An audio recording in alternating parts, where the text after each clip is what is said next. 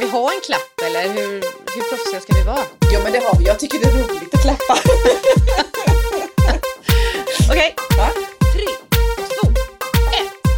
Jag väntar vid min mila medan timmarna lida Medan stjärnorna vandra och nätterna gå Jag väntar på en kvinna från färdvägar vida Den käraste, den käraste med ögon blå Wohohoho! Den hade Vilken- du inte väntat dig! Den har jag aldrig hört. Har du inte? Nej. Det är Dan Ja. Andersson. Va? Det? Jag fattar att Milan är platsen, men eh, jag, nej, jag har aldrig hört. Vet Jag du, det är en av mina visor. favoritvisor. Jag älskar visor. Jättefin! Tycker mycket om Tack! den. att du Hootenanny Singers har gjort den också. Jaha! Mhm, Måste jag ju lyssna på sen. Jag har glömt att göra, uppdatera våran spellista. Ja just det, vi har ju en spellista. Vi har en spellista, det kan vi ju berätta för alla som lyssnar, att vi har en spellista som heter Samma som podden, skriverier med Malin och Silla på Spotify. Och där alla våra soundtracks som vi har Finns. haft genom Ja. alla avsnitt finns. Ja. 40. Vi har 40 avsnittsjubileum idag. Mm. Avsnitt 40 är fortfarande inne på skostorlekar, vi börjar närma oss min. Jaha, att, vad eh, trevligt. och, och din är ju alltså då författaren Malin Lundskog och så är det ju jag, författare Cecilia Andersson. Och vi debuterade här om året. Du, vet du vad är det för datum? Det här släpps ju... Men herregud, nu blir jag alldeles till mig. Fredagen den 11 november Ja. släpps detta avsnittet och gissa vilken dag min debutroman Marians mirakel släpptes 2022. Skojar du? Var det den elfte? Ja! Men det är ju galet ju. Det är ju galet. Och då häktar jag ju i. För jag kommer ha mitt första releasekalas den 11 i 11 på bok nummer två. Bästa dagen ever känns det som ju! 11 Ja. november. Ja. Kom inte att säga att november är en tråkig månad va? Nej, absolut Det inte. händer grejer. Jag älskar det här novent. Ja, jag har förstått det. jag är inte så. Jag gillar julen innan jul, men sen tycker jag julen är ganska tjötig när julen väl har varit. Liksom. Då kan Nej. den vara bort. Men, men inte nu redan. Nej. Jo. jo.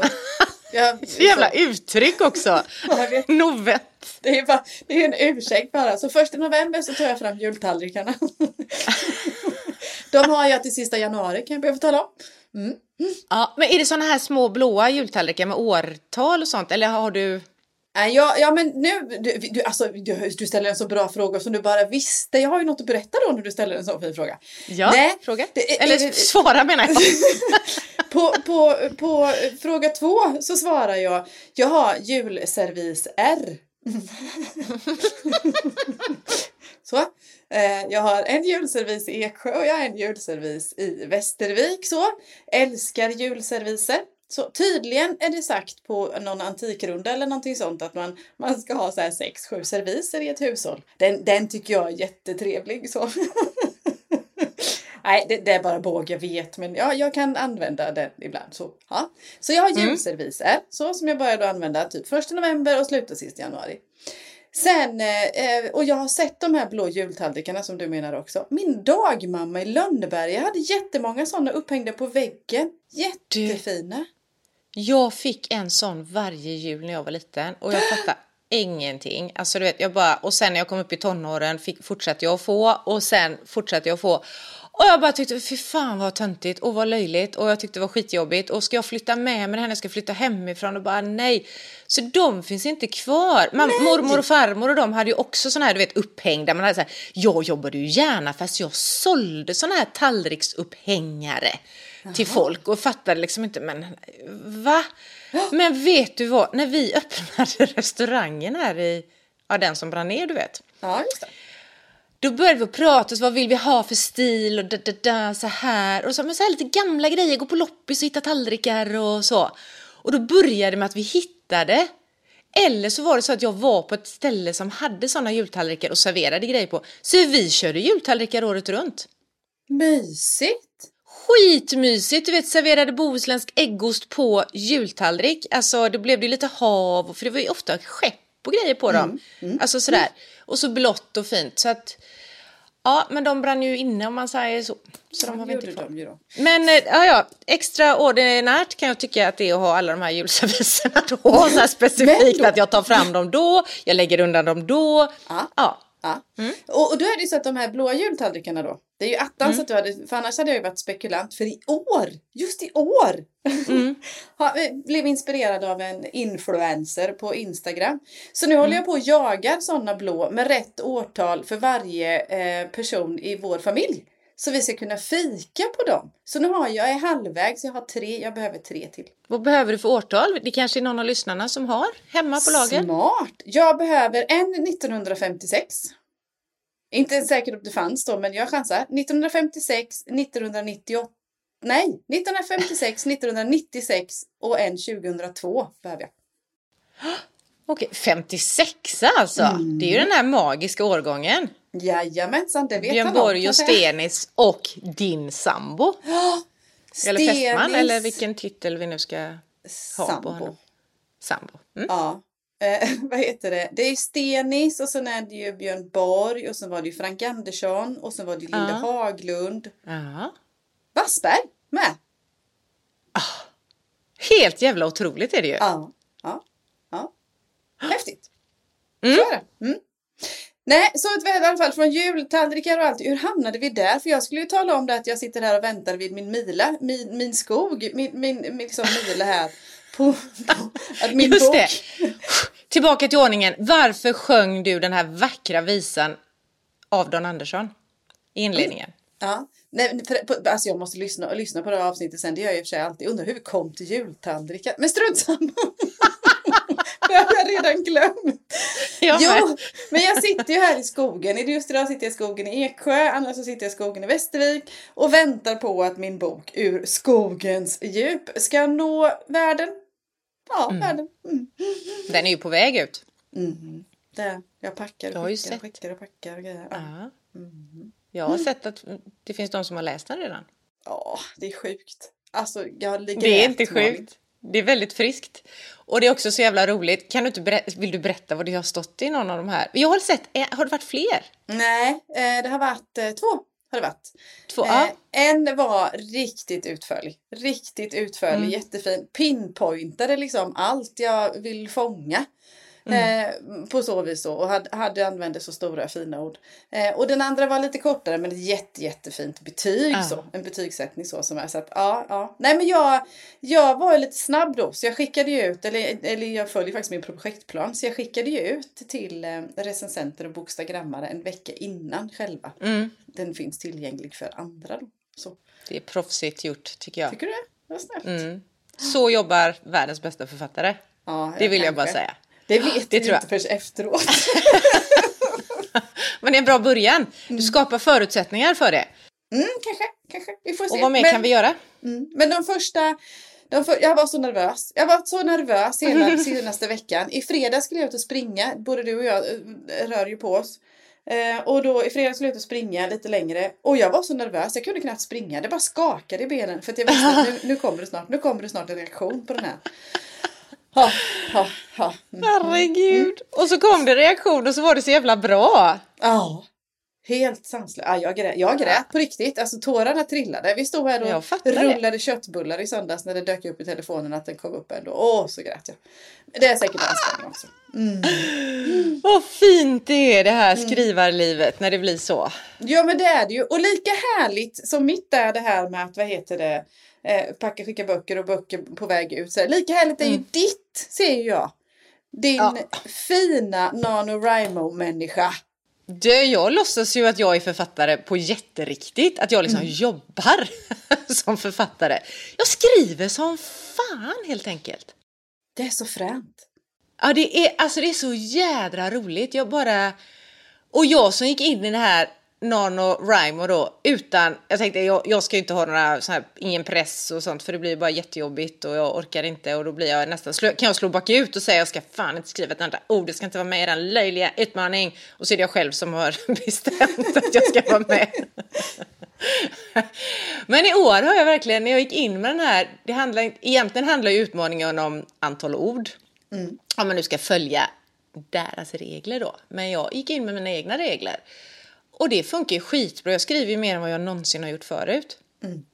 Alltså Ex. verkligen. Ja, det är, och det är så roligt. Det är så roligt.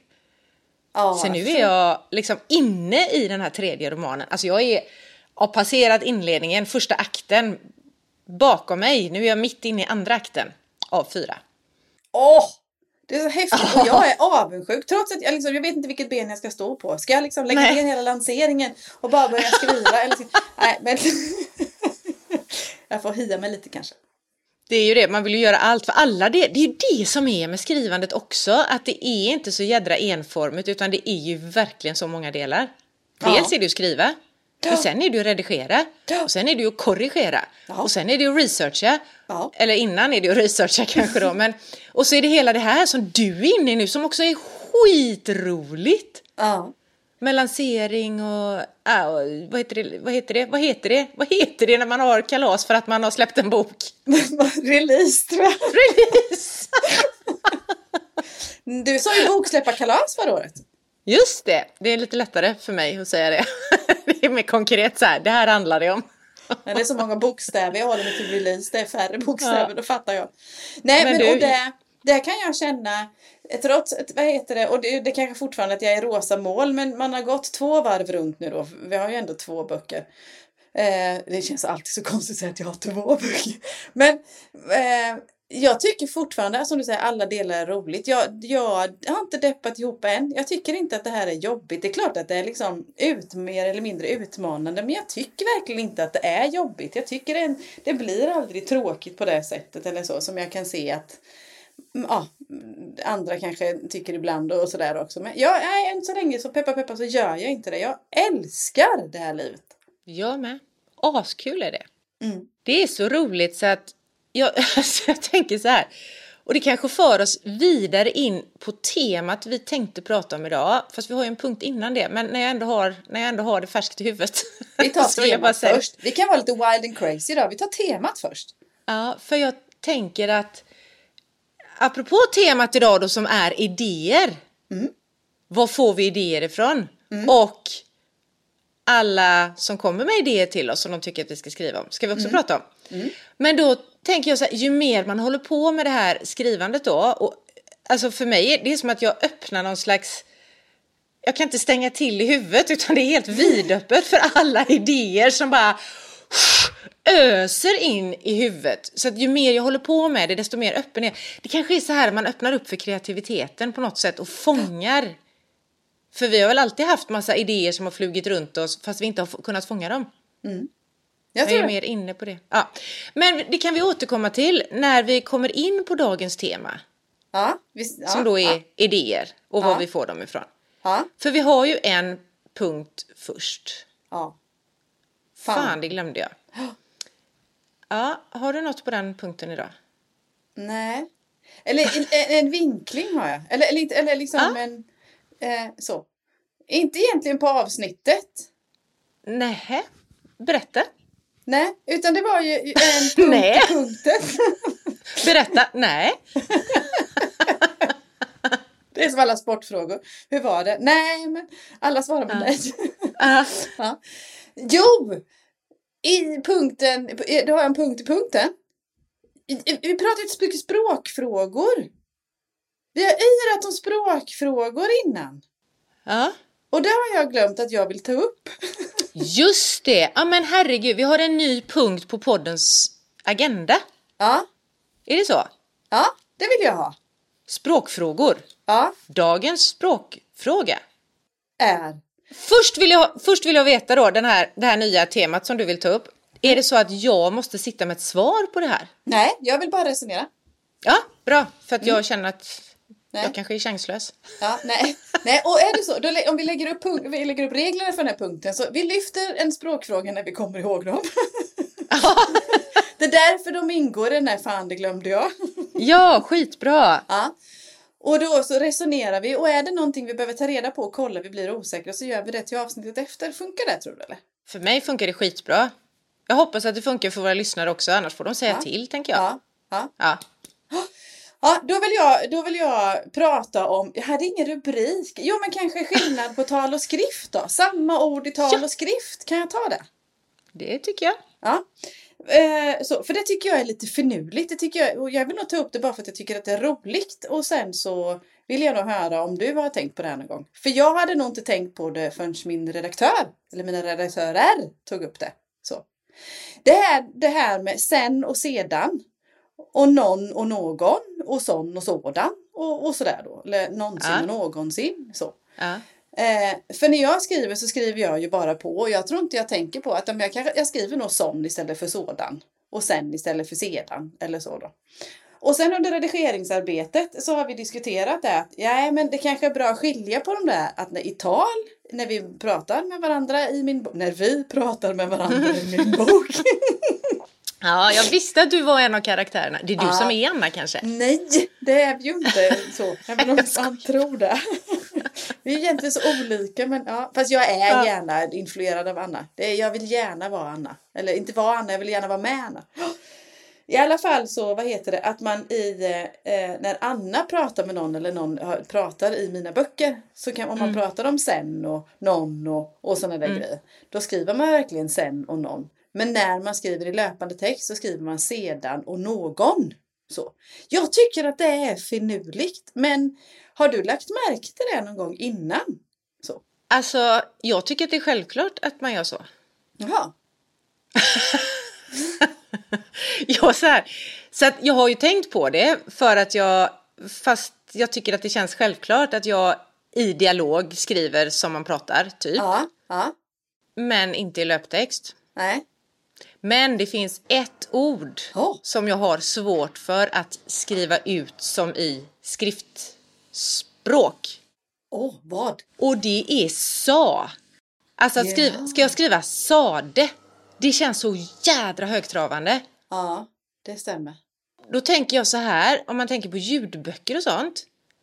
Hur gör de då om det står sade? För då tänker jag, ja men då är nog det rätt att göra eftersom jag skriver någon i löpande text liksom och sådär. Jag skriver sådan, någon och Mm. ja. Jag har ett ord till som jag kan berätta om sen men jag måste ber- skriva fär- berätta färdigt om detta först.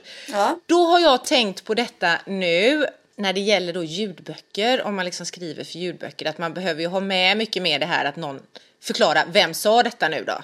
Skriver du en bok för tryckt så behöver du inte vara så tydlig med, då, då, då är det lättare att se vem är det som säger någonting nu då, men skriver du för ljudbok så är det ju mer då är det ju mer som Malin, mm, så Silla till exempel då. Ja. Men det ordet sade, alltså det ordet sade Malin, det kan inte, den som läser upp den här texten kan ju inte säga sade. Nej. Ska jag då skriva sade? Jag har som sagt inte tänkt så mycket på det här innan. Och eftersom jag är så dålig ljudbokslyssnare så har jag ingen erfarenhet eller reflektion. Innan vi ens, när vi började redigera det här då, i någon av böckerna, och hade jag aldrig tänkt på det här när jag läste heller, får jag nog erkänna. Nej, men jag tror att det är så självklart för oss då att det, Ja. det är förmodligen det som du nu har upptäckt då, det här Ja. med någon och någon, att man Ja. säger det ena och man skriver i, ja, i dialog så skriver man någon och i den andra texten någon då. Så jag tror man reflekterar inte över det när man läser. För det blir så naturligt. Du läser, jag tror när du läser ordet och det står någon, då läser du någon. Förmodligen. Förmodligen gör jag det. Skulle jag tro, men det vet jag inte. Och det som vi varit inne på innan, att är det så att det, när det flyter på, att det inte är någonting som häktar upp sig, så lägger vi inte märke till saker och ting. För det, det är då det tyder på att texten är bra. Att det bara flyter på, det hakar inte upp sig. För det, det är också någonting i redigeringen som jag har fått. Att, eh, eh, eller så, det här är en mening, det är inget fel på meningen egentligen, men jag hakar upp mig när jag läser den. Kan vi göra, bygga om den? Kan vi göra någonting? Eller så, på så att, att känslan är viktig också. Så. Men och vad jag vill säga med språkfrågan är bara att jag har liksom tänkt på det och att jag ville veta om någon annan hade tänkt på det. Så. Mm, så det. Jo, men det har jag tänkt på. Mm. Sen vet jag det. inte hur det är när man då läser. Det var det. Men jag Ja. hade ett annat ord som jag, Ja. det var sa, som är mitt ett sånt som jag liksom har lite grann hakat upp mig på. Mm. Och sen ett annat ord som vi gjorde en distinktion i Marians mirakel. Så det, det hade jag inte tänkt på från början. Där hade jag blandat hej vilt mellan ned och Mm. ner. Ja, just det. Det var sånt där ord som jag, jag, då försökte jag hitta på så här att ner, då är det någonting som sker aktivt. Alltså du vet, jag försökte, för jag hade, skri, jag hade blandat, jag hade ingen koll på ned och ner, alltså jag hade verkligen blandat de här två orden.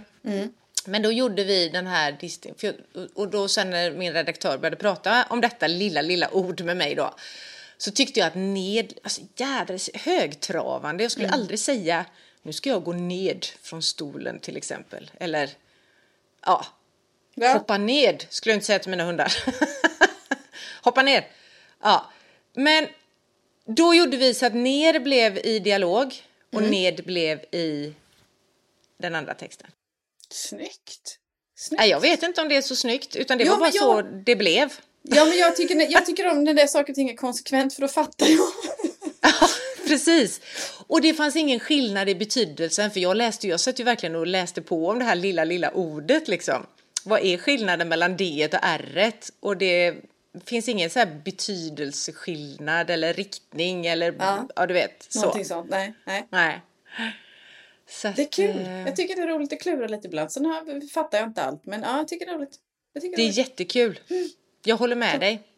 Mm. Kul med din nya punkt. Hoppas att den bidrar inte bara till oss utan även till er som lyssnar. Ja, på något tänker sätt. efter lite ibland så. Men Ja. annars så hade jag ju ingenting jag hade glömt från förra avsnittet. Hade du det? Det tror jag inte. Men du, Malin, var får du idéer ifrån angående dagens tema? Från... Det här är ju så en jävla spännande fråga. För det var ju som jag sa i inledningen också att jag får ju idéer. Jag får ju idéer överallt hela tiden. För nu är jag, när jag håller på och skriver som mest nu så är jag verkligen som en öppen jädra... Jag, jag ser mig själv som en stor tratt. Alltså mitt huvud formas som en tratt och är vidöppet så jag bara kan ramla in idéer. Och att jag också fångar idéer. Du vet, jag utsätter mig på något sätt för idéer. Alltså, lite, ja, så jag får idéer från att leva. Alltså livet. Saker man ser, saker man hör. Och ju mer jag väcker det här liksom idéinfångandet, eller vad ska jag kalla det, till liv. Desto mer känner jag också att jag, jag vill göra någonting med idéerna.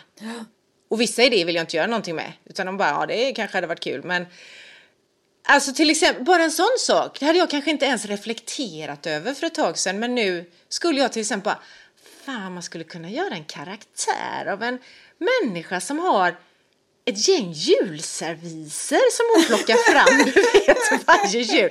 Det kan ju bli en liksom egenskap hos, eller en egenhet kanske till och med, att man Ja. kan skruva på det hos en karaktär. Så det är ju inte bara idéer om det här vill jag skriva en berättelse om, utan det är också idéer till Ja men det här, fan det här skulle passa in på den karaktären eller den här miljön skulle jag vilja skriva om. Så att dels sådana här grejer som man bara är med om och hör och tjuvlyssnar, alltså att man hör samtal på typ spårvagnen eller något café eller sådär, någon som pratar om någonting. Men sen har jag också, nej fan jag får ju idéer hela tiden, men också när kompisar berättar saker. Nu, jag tror jag sa det för något avsnitt sen att jag kan bli så här riktigt otrevlig, jag kan sätta mig och ja, smsa mig själv då. För att när någon berättar någonting så bara "Åh, det här vill jag skriva om. kanske det jag skriver nu eller kanske att det kan bli en egen berättelse. Så att idéer till delar av en berättelse kommer nog så mycket. Medan idéer till en, alltså om man tänker en hel, en hel bok. Jag vet inte, det här är bara en grej det kan komma ifrån. Så jag har nog inte tänkt klart på det här ännu. Men det, det kan vara en fråga som, alltså, ja men som i Marians mirakel. Vi behöver prata om inkontinens var ju liksom mitt sådär. Det här vill jag prata om och då blev det en ja men fröt, du vet, som vi höll på att baka bröd och allt vad det var, ax till Ja. förra Ja. året. Så det kan också vara en sån grej som jag tycker är viktig att belysa på Ja. något sätt. En fråga Ja. till exempel. Eh, eller en händelse som den jag håller på att skriva på nu, en händelse jag själv har varit med om så jag bara, ja, det här. Och då är det ju sjuka det, när man har öppnat upp det här jävla kreativitetstratten liksom, då kan man ju vara med om saker, det behöver ju inte vara roliga saker, det kan vara jättehemska saker, så bara, fan det här, vilken berättelse det här kan vara. Ja. Ja, så egentligen får jag idéer från överallt och sen får man ju också idéer från andra människor. Mm. Ganska ofta. Ju mer det kommer fram att ja, men jag är ju, jag skriver. Åh, du vet det här hände mig, det här borde du skriva om, eller gud. Alltså det här är ju för bedrövligt. Har du hört vad de har sagt eller vad de har gjort? Det skulle du skriva en berättelse om. Så man blir liksom pådyvlad historier också från andra som man bara, ja, det kanske jag vill, men inte just nu. Nej, det är ju viktigt att... Jag sa nej igen. Är det någon Det är grej jädra sportfåne. Ja, du kanske är som en elitidrottare? Ja, precis. Nej, du Nej. vet. Henke var, Larsson var väl expert på det? Nej. Det kanske han var. Det vet jag inte. Jag har bara liksom tänkt det. på det genomgående. Och så sa han nej på skånska också. Man hörde redan på nej att det var en skåning som pratade.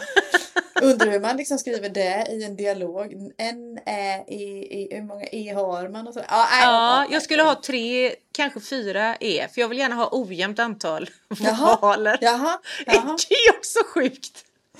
Är det här sant? Det är sant. Du vill ha ojämnt antal vokaler om du drar ut på någonting? Om jag ska göra en sån grej, ja, då är det tre eller fem eller sju liksom. Det har jag aldrig tänkt på. Det har jag! Jag tror... Jo, jag har för många i alla fall. Redaktörerna kapar dem. Så det vet jag. Men hur många jag har, det vet jag inte. Det brukar bara gå på känsla. Så. Ja. Jo, för det är någonting som har ändrats. Från att vi för ett, säkert och över ett år sedan, kanske från allra första början, så har vi också diskuterat hur svårt det kan vara att tala om att man är författare. Att vi bestämde oss faktiskt i ett avsnitt att vi skulle börja med att det första när folk frågade vad vi jobbade med så skulle vi säga att vi är författare. Så. Och från den stunden så har ju idéer och tankar kommit utifrån att eh, det här skulle kunna skriva om eller det här skulle passa bra in eller någonting sånt där eller så. Mm. Eh, så det, de har ju ökat ju mer vi eh, pratar om att vi är författare. Så är det ju. Mm. Och det som du säger, en del kan ju vara liksom att nej, det skulle jag faktiskt ha svårt att skriva om så. Sen säger man ju inte det. Man säger ju inte till någon att man Nej. har en dålig idé. Men man, Precis!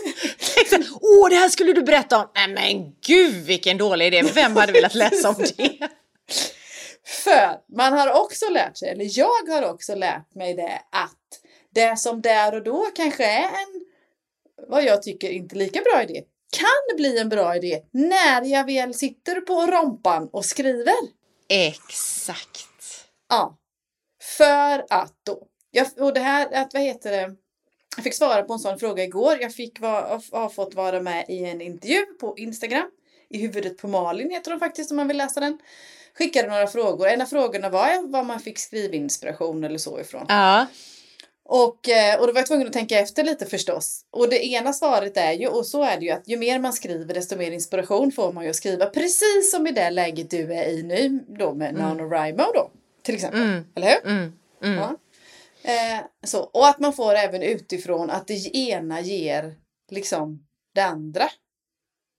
Men det kommer ju också ifrån, när, när, när du sitter och skriver och får de här idéerna så kommer de ju någonstans ifrån och ibland kan de ju faktiskt komma utifrån någon som har haft en sämre idé från början och så passar den in då på något vänster. Precis. Så är det ju. Och det, jag tänker också med sådana här idéer som antingen om man får dem från andra eller om man har haft dem själv. Vad det än är från början så är det... Alltså man kan ju vända och vrida på den här idén också. Men vänta nu. Tänk om... Det kan vara så här enkelt som... Tänk om det varit en kille som sa så istället för den här kvinnan. Eller tänk om... Och, så kan man, och då kan det bli en skitbra idé Ja. av det som vi har dissat från början och tyckt att nej. Ja. Men det finns där i bakhuvudet, liksom, allt som kommer till en på något sätt. Ja. Sen har jag ju delar i mina böcker som är eh, från, alltså ren, där idén kom ifrån riktiga, för något som finns på riktigt, som till exempel, ja men riktiga ekobrott. Nu har jag ju ekobrott i båda mina och kommer ha så småningom i kommande också, hoppas jag. Men att vad heter det, de kommer ju, är ju knutna, fröet kommer ju från riktiga fall från början som jag har eh, jobbat med. Så att det både hittar på någonting på riktigt och då menar jag inte liksom, sen kommer ju researchen ovanpå det så då, men idén kommer också ifrån någonting på riktigt. Och det har jag klurat mer, att jag skulle nog vilja göra mer. Att läsa in mig på eller vara mer vaken för ja, men till exempel ekobrott och riktiga fall för att Mm. göra det än mer rä- rättvisa. Eller riktiga situationer så, inte bara Mm. hittpå då.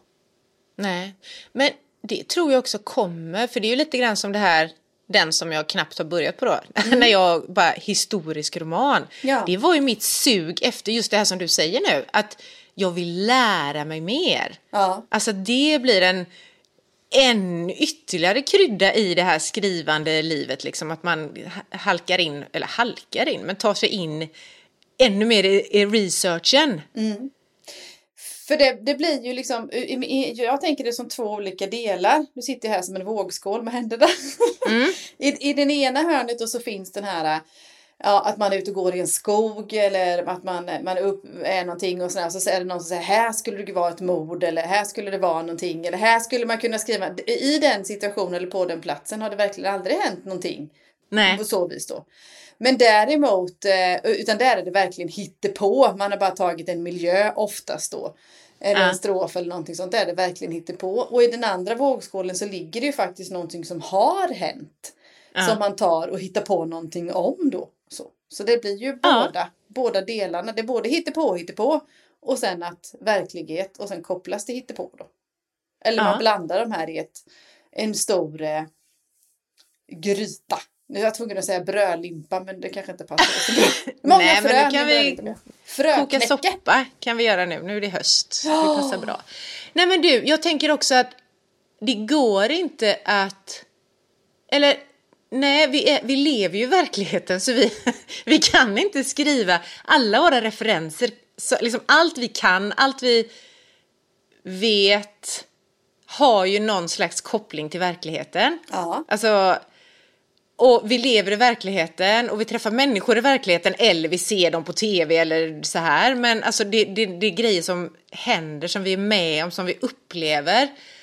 Som vi kan inte skriva utan att ta in en dos verklighet, även om vi skruvar på verkligheten. Det, det, den måste vara med, även om det inte är en verklig händelse. Eller så är det en verklig händelse och då hittar vi på grejer runt omkring den. Det går inte att, vi kan inte göra oss fria från verkligheten. Som Nej. vi upplever den. Nej, för att vad heter det, det blir inte trovärdigt och det, vi som läsare, om jag sätter på mig läsarhatten då, så ja, det blir inte trovärdigt. Jag kan ju inte, jag kan inte känna igen mig på något. Jag kan inte relatera till berättelsen om det inte har någon koppling. Det är ju som, som de, gissar jag, nu har inte jag läst så mycket fantasy, det är någonting jag skulle vilja göra mer.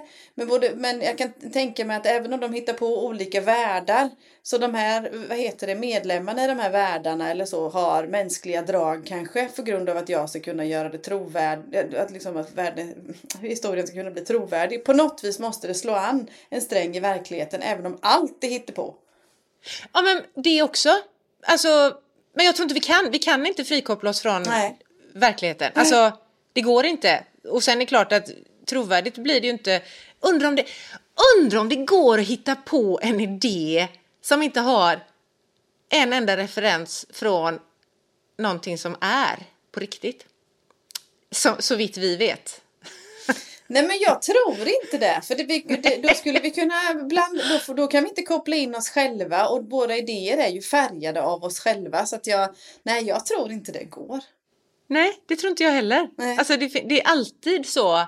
Sen kan det vara mer eller mindre trovärdigt och det som är trovärdigt för mig, det kanske du inte tycker är, men det är väl inte så jävla trovärdigt, kanske du sitter och tycker och jag bara, ja men det, jag känner igen mig i det här. Ja. Eftersom vi alla lever olika liv och har olika referensramar och Ja, Så. ja men det är ett bra exempel på det är ju egenheter som till exempel julserviser då. Eller något annat. Där där man har ja, olika hobbys, intressen, fetischer kanske. Eller något sånt. Ja, precis. Så idéer egentligen då, det kommer från oss själva, från Mm. våra liv, det kommer från sånt vi läser och sånt vi tittar på och sånt vi hör och Mm. det kommer från våra vänner och det kommer från de vi har omkring oss och det kommer också från andra som tycker att du, det här har jag varit med om, har du hört, skriv om detta. Och det roliga i kråksången då är att, om då, då har jag en liten Ja. teori här då va? Mm. Att om all, alla idéer är kopplade till verkligheten, då finns det ju alltid någonting att skriva om. Eh, Ja, du, det gör det. Tills det Idéer, inte gör det längre. Mm. idéer kommer ju aldrig ta slut. idéer kommer aldrig ta slut och ju mer, vi, ju mer idéer vi har och får desto fler får vi. Jag tror att det, generer, det är liksom så här självgenererande. På något ja, sätt. Och, att, och om, om vi inte känner att vi får idéerna då kanske vi har stängt hjärnluckan då. Då måste vi Ja, vad- öppna hjärnluckan mer. Precis, och ibland kan jag tycka att det hade varit skönt kanske. Och stänga av bara, kan jag få vara i fred med de här få idéerna jag nu har i huvudet just nu? Ja. Kan vi stänga transferfönstret kanske och så Ja. öppnar vi det om en månad igen. Men samtidigt så är det ju så här att när man är i skrivandet också då poppar det ju upp nya idéer som man inte hade någon aning om var de kommer eller har någon aning om var de kommer ifrån för de Ja. kommer i liksom när man sitter där och skriver. Ja. ja, jag tycker det är häftigt. Jag gillar Det det. är skithäftigt, så jädra spännande. Idéer, kreativitet är så spännande. Och jag tror att vi alla kan väcka det till liv. Det är ju som träning. Vi blir bra på det vi tränar på. Tränar jag på att vara öppen för idéer, fånga idéer. Det tror tusan det att jag får mer idéer och fler idéer och blir bättre på det. Ja, och eh, det här tror jag också att miljön kan ha en, eller ha, inte kan ha, har en eh, ganska stor påverkan med. Att även om jag tror, jag hade, hade du frågat mig för liksom fem år sedan, sex, åtta, tio kanske eller något sånt där, och frågat om jag var en kreativ människa så hade jag nog inte, ja det vet jag inte, eller på så vis då. Men ju mer jag vistas i en kreativ miljö, det vill Ja. säga i bokbranschen och med fina författarkollegor som du och på så vis då, desto mer kreativ känner jag mig, desto mer kreativ Mm. tycker jag att jag, jag blir. Så även en människa som går omkring på stadens gator idag känner att nej men jag har ingen kreativitet alls. Börjar man söka sig till ett kreativt sammanhang, det kan ju vara att sticka eller sy eller alltså, jag vet inte varför jag kom in på handarbete men äh, det, det brukar ju klä skott för kreativitet. Eftersom det här är en husmorspodd också har vi ju Ja, sagt det. någon gång. Så var det. Det är husmor och det är bakning, det är jobbigt att hålla reda på det här snart. Då tror jag att alla människor har, kan liksom uppmuntra och göda sin kreativitet någon slags. Ja, det är jag helt säker på. Det Ja, handlar om att öppna, det där transferfönstret liksom. Så eh, kommer de. Men det kräver sin träning. Precis, Ja. det, alltså, och vissa har kanske lättare för det, andra inte, men vi kan alla träna på det. Det är jag helt säker på. Tror du? Men du, nu har jag en helt annan fråga apropå hur får vi idéer och du pratar handarbete. Hur går det med dina mormorsrutor De, som du virkar? Nästa fråga. jo, de här 300, var det 97?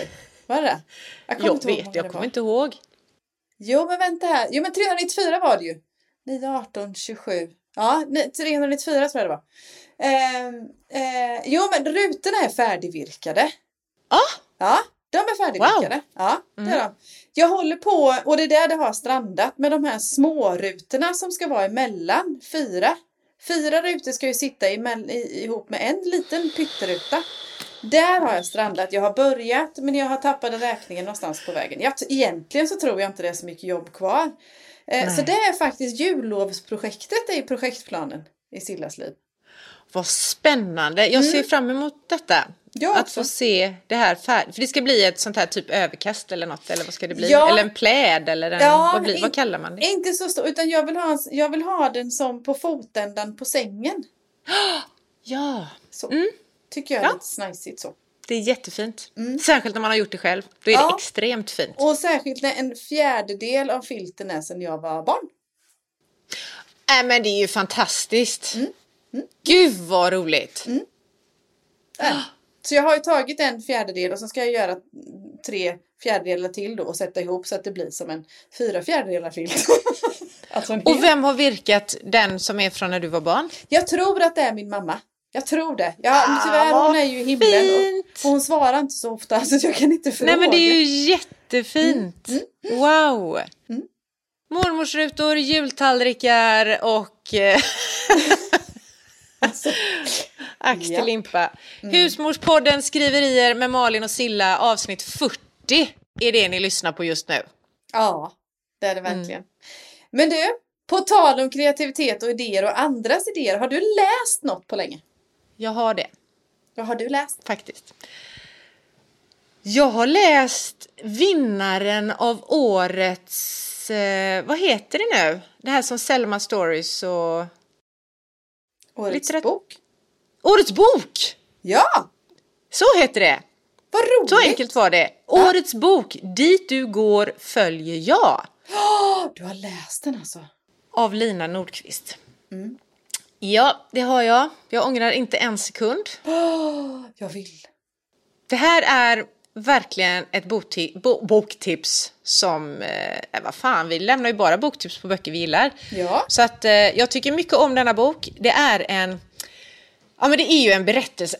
Nu är jag inne på historiska romaner igen. Det är, Jag Ja. har halkat in i detta alltså. Och det här är ju hennes debutroman och det, alltså, den är, så- det är så bra på så många sätt. Handlar om eh, en kvinna, hennes son och en man som inte är pappa till barnet. Och det här är ju typ, jag tror det är runt sekelskiftet, alltså 1800-1900-tal, det sekelskiftet. De flyr från Norge för hon är inte accepterad där. Ja. Och så hamnar de i Hälsingland. I någon skog där. Och Lina är från Hälsingland om jag har fattat allt rätt nu. Så att hon har ju också grävt där hon står och man förstår liksom mycket, mycket kärlek till skogarna och så. Naturen där. Ja. Jättefint. Men i alla fall så får man ju följa då eh, den här familjen. Lilla familjen som växer. Och hur fruktansvärt fattigt och svält och alltså det är så jävla eländigt och hon beskriver det så det här eländet, det är så välbeskrivet. Eller som jag, jag vet ju inte hur det var, men som jag liksom, jag, jag kan verkligen känna hur fattigt det var, hur de frös, hur hungriga de var. Och det är skrivet med sånt här jag vet inte hur jag ska beskriva det. Det är ett långsamt språk. Så är inget, och jag tänker också man tjänar på att läsa boken långsamt. Det är inget man rafsar förbi nu, Silla, om du skulle få för dig att läsa denna. Du som läser så här snabbt. Ja. Jag känner så här, man hade nog tappat mycket av berättelsen om man snabbläste den. För det Ja. är så många detaljer och det är så fint beskrivet. Ja, det är till och med, du vet alla detaljer när pappan har blivit riven av en björn till exempel, hur man får se efteråt hur det går och hur hon sköter honom och ja, och så vidare. Sen är man även i typ nutid där en svärdotter till sonen som, som följde med sin mamma till Sverige då, när hon flydde hit. Eh, den svärdottern får man också följa i nutid då. Hur hon liksom relaterar bakåt i tiden och hur det Ja, alla har hemligheter. Men den är så, framförallt, dels är det en gripande berättelse.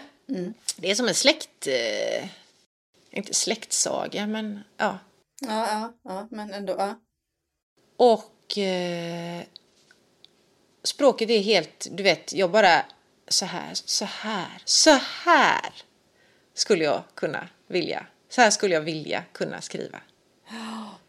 Det är så fint. Eh, så den är, ja, Underbart den är, jag berättar inte mer ens för den är bara så jävla bra. Läs den. Man, det är lärorik också. Jag tänker historia, Ja. hur var det, hur fattigt och kriget kom och... Ja, Det är så underbart med de här böckerna som liksom griper tag på något vis. Sen orkar Ja. inte jag läsa dem för ofta. Jag, så. Eh, Men eh, det är, det är, ja, det, och det bygger ju precis som du säger med att man har sånt härligt språk, att, man är, Mm. att alla delar hänger ihop då på något vänster. Men du, apropå att inte orka läsa dem för ofta. Jag har ju ofta fler böcker på gång. Jag har någon som jag läser och sen har jag någon jag lyssnar på. Och de jag lyssnar på är ofta så här lättsamma böcker. För att jag känner att ja, men det kan jag ta när jag känner jag behöver det. Jag behöver växla med det. Sen är jag perioder också. Vissa Ja. perioder läser jag ena sorten. En annan period så snöar jag in på andra sorten. Ja. Nåväl, nog om mig. Ha, Eller inte om mig, det var inte om mig. Det var om Lina Nordqvist och hennes Dit du går följer jag. Mitt boktips Ja. denna gång. Ja. Och det här är ju kontrasternas podd ibland. Mm. Så även i boktipsen. Eller det kanske är. Det är där vi möts, eh, kontrasterna. Eh, jag, tycker, ja, jag tycker om att läsa romaner men jag tycker ju också väldigt mycket om att läsa, vad heter det, deckare.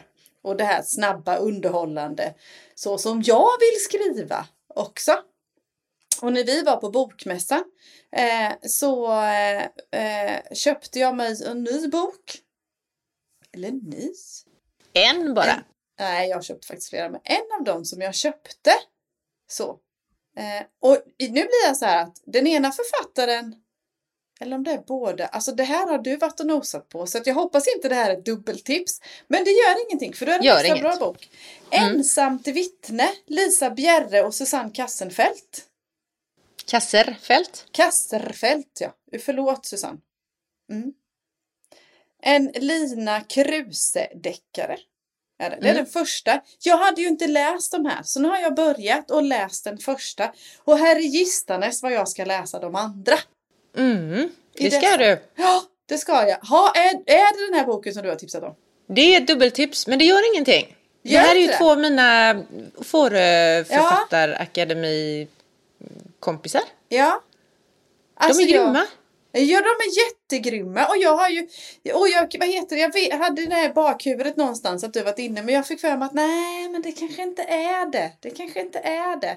Vet du hur många böcker som de har skrivit tillsammans? Tre. Tre. Är det fjärde som är på gång nu då, eller tredje? Jag har läst två. Ja. Eh, det kanske är så att trean är på gång och sen så kommer det en fyra också, tror jag. Ja, de är så duktiga. Ja, de är är jätteduktiga. Apropå research och grejer. Alltså Ja. det är verkligen. Och också kring det här och vad jag tänkte på, för just nu så får Malin Persson Giolito väldigt mycket uppmärksamhet för sin bok som också är fantastiskt bra. I dina Mm. händer kanske? Heter den så? Ja, Ja, det är så. Mm. Som handlar om det här med gängkriminalitet och skjutningar och sådana grejer också då va. Jag kan faktiskt tycka att både att den här Lisa Bjerre och Susanne Kasselfelt har fått i så fall lite, eller så är det jag som har suttit bakom en sten, har inte alls fått samma uppmärksamhet. För de berör det ämnet också. Eh, nu skriver de på olika sätt mot Giolito men berör det, alltså liksom ämnet är lika viktigt och lika bra på, fast på ett annat sätt i det här. Eh, Jag håller med skriver. dig. Faktiskt, måste jag säga. Sen ska, är de olika människor, olika författare skriver på olika sätt. Men så som, vad heter det, Bjerre och Kasselfelt l- belyser ämnet är det minst lika bra som, som vad heter det, Giolito gör. Absolut. Mm. Jag håller med. Mm. Så. så gängkriminalitet och sen en polis och sen gillar jag den här eh, den här också att det inte är eh, vad ska jag säga det är ett bra slut men det är Mm. också tillräckligt öppet faktiskt. Eh, och jag attraheras av att, eh, som jag själv vill fånga, det här att små beslut kan leda till stora konsekvenser. Ja, herregud. Mm. Så tydligt det blir i denna. Ja men det gör det med polisens Verkligen. mamma till exempel. Eller Ja. polisens tidigare kollega. Eller på så vis också då. Så att, eh, nej men och då, det gör ingenting om vi kör ett dubbeltips då med andra. Jag tänkte ifall du skulle skälla på mig lite. ifall det var så. Jag tänker bara att eh, vad kul att du också tycker om den. Och de är ju två författare så då ska man vara med två gånger. Ja, såklart. Ja. Men Så läs, jädra logiskt. Läs om Lina Kruse, polisen Lina Kruse som Lisa Bjerre och Susanne Kasselfelt läst om. Och just, eller skrivit om. Och just den här ensamt vittne. Jag återkommer när jag har läst de andra. Gjort. Gjort. Du, tack för idag. Vilken, vad kul jag har haft. Jag också! Vilken vad bra spännande. blandning. Ja, skitkul. Vi ses ju om eh, två veckor igen. Och då vill jag lova att vi har spännande grejer att berätta. Ja, så är det. Lycka till den 11 idag när podden släpps. På Stort ditt eh, releasekalas. Tack snälla. Tack snälla. Det blir spännande. Ha det gött. Hej! Hej då! Jag tänkt mig en vandrande doftande blomma och drömde om ett skälvande jäckande skratt. Jag trodde jag såg den mest älskade komma genom skogen över hedarna en snötung natt.